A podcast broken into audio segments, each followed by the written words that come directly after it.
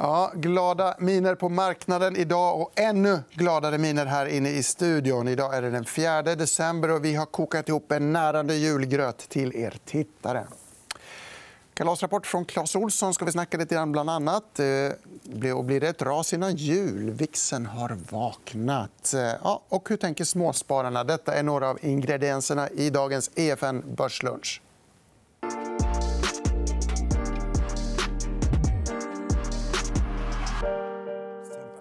Ja, Stockholmsbörsen är upp med 1% och För att fira det så har vi med oss Joakim Bornold och Johanna Kull. Varmt välkomna båda. Positivt på börsen. Tack.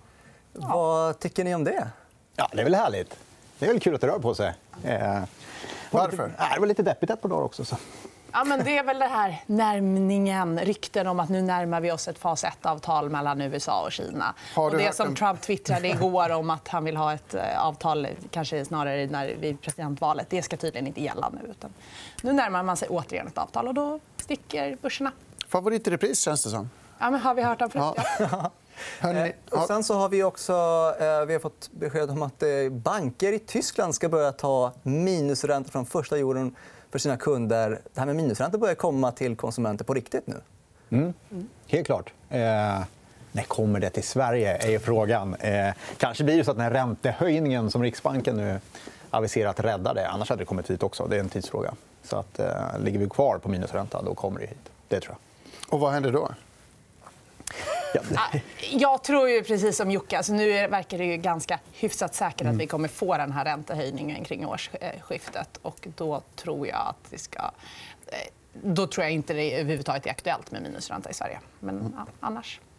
Vi kan prata om något trevligare, nämligen den här vackra grafen. Här ser vi två av dagens vinnare. Den ena är Trelleborg som gör en stor nedskrivning, avskrivning och lovar att fokusera mer på lönsamma delar av sin verksamhet istället. Heja Trelleborg, detta ständiga huvudvärk. Clas Ohlson har också ett bolag som länge haft problem. I den här grafen ser det ut som att det går bra för dem. Men det gör det inte om man tittar på ett längre perspektiv. Kalasrapport från Klasse idag. i alla fall. Har du tittat något på den, Johanna? Mm. Eh, nej, men viktigt att påpeka där som du säger att om man drar ut kurvan så ser det inte alls eh, lika trevligt ut.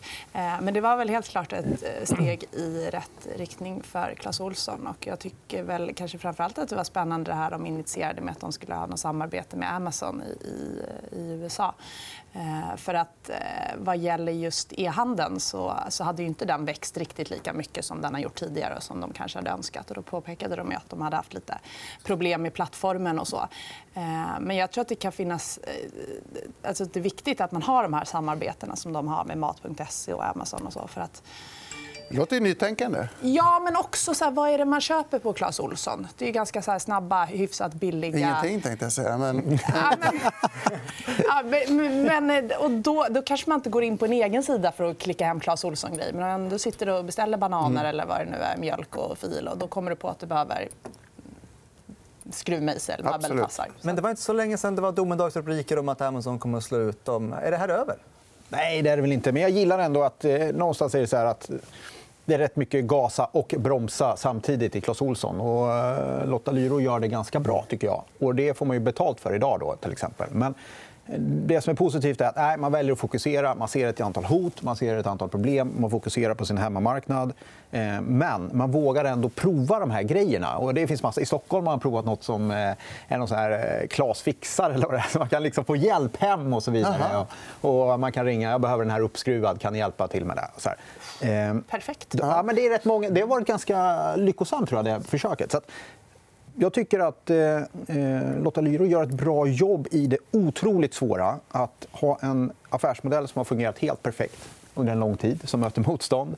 Att då liksom eh, göra rätt åtgärder men också försöka se framåt vad man ska göra för att växa och för att hitta tillbaka till ett kanske ett nytt spår. Och på det sättet kanske undvika den här MQ-dramatiken som gör att man bara åh nej, det går sämre och sämre och sämre och så försöker man liksom bara... Men ska eh, jobba där? Och sen, sen blir det liksom, ja, kanske, för sen blir det panik. Va? Och då gör man någon sån jätteåtgärd som känns asflummig. Eh, då, då gillar ju det här alternativet bättre och det tror jag aktiemarknaden gör också. Det låter hoppingivande. Du nämnde MQ och då tänker man direkt på Q. Eh, Mats Kviberg, storägare i MQ. Och han har idag genom Öresund köpt en massa aktier i SCB. Jag vet inte riktigt vad man ska dra för reflektion på det här. Har ni någon spaning? Ja, men eh, de tycker väl att, att det är för lågt värderat nu efter att det trycks ner av de här AML och penningtvättsmisstankarna som kom upp med, med Uppdrag granskning. Och menade, gick ut och sa det, att det som kom fram i Uppdrag granskning det är liksom inte tillräckligt inte mycket. Nej, det är inte, vi, vi, tycker inte att risken är att, att det avspeglas. Att det har tryckts ner för mycket mot vad som kom fram i Uppdrag granskning. Min spaning där är väl lite att det är inte Uppdrag granskning som vare sig eh, liksom, eh, det är inte de som är tillsynsmyndighet i Sverige och det är inte heller de som utdömer eh, sanktioner. Så jag tycker väl att det är ganska friskt vågat att köpa SEB innan Finansinspektionen. Men han är inte ensam om det. det är, småsparare har ju verkligen satsat på SEB. och Det ser vi att det är väldigt många som eh, bottenfiskar där. Ja, men eh, spararna har ju, har ju bottenfiskat i, alla banker, framförallt i Swedbank, eh, Nordea och SEB då, då, under hela året. Eh, och senaste månaden var ju hälften av alla nettoköp hos, hos Avanza de var till just SEB som man plockade upp där i nedgången. Eh, men eh, ja, det gäller väl att ha rätt tidshorisont där. För eh, den här typen av utredningar tar ju tid. Och de kommer ju handlas med en förhöjd riskpremie fram till dess att man har fått avslut i de här affärerna. Intressant att de köper Hoist och var det Resurs också. Det var någon liten nischbankskänsla. Mm. Och sen Ilja Battland. SBB var väl också i topp. Mm. Samhällsfastigheter har ju blivit lite så här, som man pratade om SAS-bolag för nåt år sedan. Det ska alla ha. Nu ska alla ha samhällsfastigheter, då, framförallt SBB. Men just SBB är intressant. Inga institutioner verkar gå in. Det är bara småspararna som gillar det här. Men det har gått jättebra. Ska vi bläddra vidare? Du hade en mest sålda lista också. Mm. Verkstad. Man säljer verkstad och H&M efter uppgången där. Och Ica. Ja, det är väl också värderingen. helt enkelt. Men framför allt det som är liksom sammantaget är ju att man, man säljer verkstad. Man går mot banker som man tycker är lågt värderade och hög direktavkastning. Eh, även fastigheter generellt eh, lockas man till. Investor både på köp och säljlistan? Ja, där har man bytt från, från B-aktien till, till mm, A-aktien. Så det är hyfsat liksom aktiva, det är en hyfsat aktiv handling. Eh, har du någon reflektion här, Jocke, förlåt, när du ser de här listorna? Eh, nej, men SEB, jag kan förstå det. Aktiemarknaden handlar om att ta risk och ta rätt risk. Och jag är rätt lockad av SEB. faktiskt. Mm. Eh, och även av Swedbank. Eh, om man kan leva med det här våta filten, då, så varför inte? Och det kan spararna. för Nästa graf är ett aggregat tror jag, på Avanza-kundernas eh, aptit på börsen. November längst till höger. Hela året är egentligen rätt positivt. eller? Hela året, hela året har varit positivt. Man har eh, varit på, på köpsidan.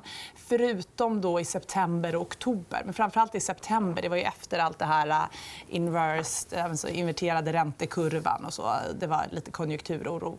Eh, men i övrigt så, så optimismen har kommit tillbaka. och Jämför man mot förra året så är det betydligt mer glada sparare mm. nu än vad det var då. Jag tror inte man orkar vara rädd för handelskriget längre. och allting. Man men borde man inte vara det? Kan man bara vara rädd två månader och sen så släpper man tyglarna och köper ändå? Jag är lite förbannad. För att det är så här, eh, det är, just när jag har lärt mig ordet recession då, då säger alla att det inte blir någon. Jag har kämpat hårt med det under hela året. Eh, så det, är, det är lite irriterande. Men... Eh, Men då har jag glada nyheter till dig. Vi har en hel, ett helt knippe grafer som visar på olika oroshärdar och orsaker till tandagnisslan. Det första mm. är tjänste-PMI, alltså svenska inköpschefer kommer nu på förmiddagen. Det ser lite svagt ut. Reflektion på den? det är väl rimligt kanske att tjänstepremi också eh, hakar, hakar på industridelen. Då. Ehm, och det märker man. Det är ju tydligt. Om man, eh, jag reser runt mycket i Sverige eh, nu för tiden. Och våra kunder är ofta entreprenörer. och Man märker på dem också att det är betydligt lugnare där ute i Sverige idag än bara för ett år sedan. Så det, är nog ganska naturligt att det också börjar synas på tjänstesidan. Faktiskt. Mm. Intressant kontrasten då mot risk-on i småspararnas portföljer. Men eh, tjänste-PMI en annan bild. Vi har en till graf. Jocke, som du hade med dig en spaning på. Här är några raketer andra halvåret i år. Holmen, SCA, skogsbolagen förstås. EQT har gått som tåget och K-fastigheter blev ju en kalasnotering. Mm. Vad är den gemensamma nämnaren i de här? Vem ska bort, trodde ni kanske. Men ingen ska bort. Alla ska vara kvar. Eh, nej, men det jag tänker på här det är ju att det har ju skett någonting förstås senaste tiden och det har accelererat. Och det är att obligationsmarknaden, eller den avkastningen den förväntas ge, är ju extremt låg.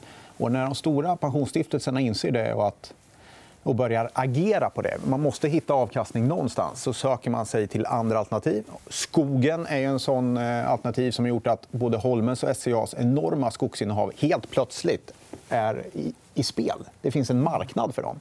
Vilket gör att man nu har valt att värdera upp dem. Eh, den här typen av fast... Eh, hela fastighetssektorn, men kanske ännu mer hyresfastigheter och så vidare. Också det här långa, bra kapitalflödet, intjäningen som ska generera en sån stabil avkastning över tid. Eh, och EQT också som en alternativ investering som har liknande då med sitt fond. Eh, och det där gör ju att dels går ju priset upp på de här tillgångarna. Eh, för Alla letar efter dem eh, och alla försöker hitta, hitta bra varianter på dem. Eh, men det gör att de blir väldigt räntekänsliga.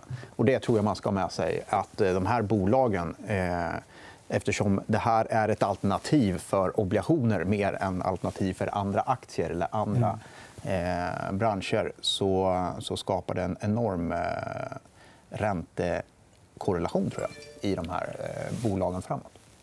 Om man kollar i dina portföljer som vi såg hos dig, där var det mer risk-on. Man satsar på bankåterhämtning och så där. Ser ni det här också bland småspararna, att man vill ha avkastning? Ja, men absolut. Eh, men det som den där bilden också visar, det är verkligen det är räntekänsliga bolag också. Men nu lär vi väl ha låg ränta länge än. Men det har också varit bolag som har blivit väldigt, väldigt omtalade. Mm. Om vi tar liksom EQT och K Fastigheter. Och att det har blivit Ehm, det har rönt stort intresse för att det har varit liksom, tongivande personer som också har varit ute och pratat om dem. Och så. Så att, att småspararna har hoppat på det tåget och även EQT det, det har nog flera olika förklaringar. Men finns det inte en risk att eh, defensiva bolag med stabil, stabila kassaflöden som nu värderas jättehögt, ICA, liksom P 26 P 27 eh, och de här andra bolagen som Holman har värderats upp Finns det ingen risk att om vi hamnar i sämre tider att inte ens de defensiva aktierna har den här låga värderingen? Inte ens de är ett skydd? Eh, absolut, så är det. Det, det, det finns definitivt en risk för det. Eh, kollar man på de här, man tar skogsbolagen nu då, som är superheta här och värderas upp igen, då är det så att det är en ny marknad. Men frågan är vad händer då om den marknaden stängs igen. Eh, då är det fallet ganska kraftigt i de här jätteskogsinnehaven. Till exempel. Så att, nej, det, det kan vara en säker hamn som är ganska dyr att lägga till. Från säker hamn ska vi växla över till VIXen. För den har vaknat i USA. Den ser ut så här. VIXen var ju alltså risk eh, volatilitetsindex på Wall Street var ju länge i botten, men längst till höger har det hänt någonting. Inte jättehögt om man jämför med tidigare toppar, men det är ändå en tids, tids av liksom totalt lugn som verkar vara över nu. Ja. Men vi är ju också ganska sent. Oavsett hur vi än vrider på det så är vi ganska sent i konjunkturcykeln. Och att Eh, det ska bli lite ökad volatilitet och är väl också helt eh, rimligt. Å andra sidan så pratar vi hela tiden om att nu är det här den längsta eh, konjunkturuppgången ever eller näst längsta, beroende på vad man ser. Men det har inte varit några... Liksom, I termer av ackumulerad bnp-tillväxt har det inte varit någon, någon, någon jättebrant uppgång. utan Det har varit en ganska lång, segdragen. Mm. Har du någon viktspaning eller ska vi titta på en ny graf? Man kan bara konstatera att det var någon slags Törnrosa-sömn. Ja. Eh, och nettopositionerna var på rekordnivåer. Eh, så att det låg väl i farans riktning kanske att det skulle bli en och Törnrosa-sömnen syns i det blå strecket här, S&P 500 som bara klättrar upp. Och detta delvis eftersom global PMI, inköpschefsindex igen, pratar vi mycket om idag. Fiskekroken där är orange, men man kanske har tagit in lite för mycket. Det är väl en farhåga. Och så kommer de här ständiga bakslagen om handelskriget. Vi får se. Ja, jag tror att det här 15 december blir liksom datumet lite som avgör hur börsen eh, avslutar det här året. Eh, det är då de här utökade, eller ytterligare lagret av tullar ska tillkomma om de inte har kommit till någon fas 1-avtal. Jag tror att det kommer att avgöra väldigt mycket 15 december. Det var bra datum att hålla koll på.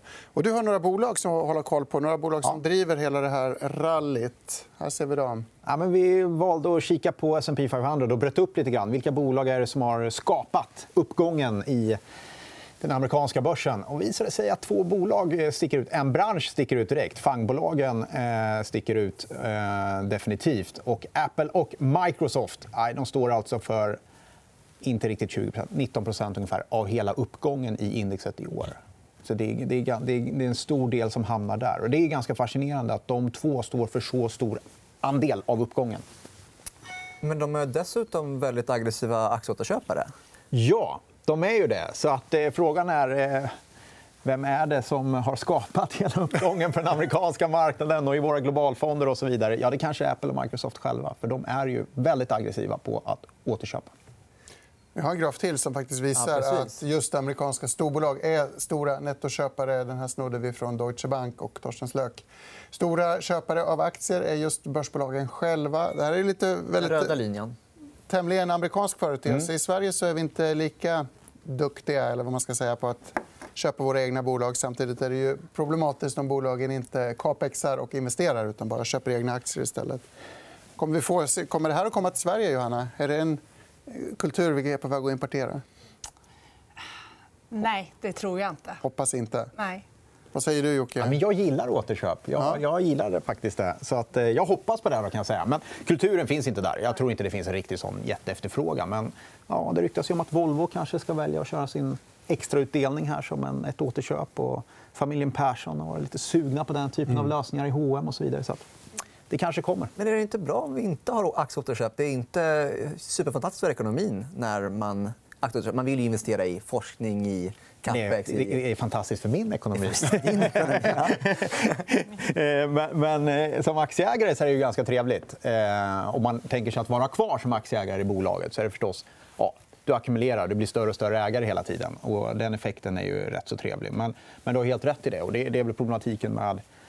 Om man nu ska ta hela USA, Kina eh, så, så är det klart att nej, vi, måste ju, vi måste investera också. Den där är ju ganska aggressiv, den där återköpsgrafen. Och tittar man på utdelningen i svenska bolag så är den också tämligen aggressiv. faktiskt. Eh, och det är klart att Tar vi Volvo nu när vi pratar om dem, 40 miljarder i kassan kanske, eh, så ropas det mycket på att det ska skiftas ut. Men, men eh, det är klart, de behöver också investera och det, det borde de kanske göra mer. Ja, hörni, nu är det dags att sätta punkt. Det är eh, slut för idag. Jag ska faktiskt åka till London ett par dagar på semester. Ara, men det kommer vara full fart i studion ändå. Eller hur? Absolut. Vi har ju en hel del eh, som vi ska ta tag i imorgon. Dels kommer Balkos vd. eh, Och sen så har vi också TA special med Espen Grönstad och Martin Hallström. Så det blir någonting man inte får missa. 11.45 som vanligt. 11.45. Tack för idag.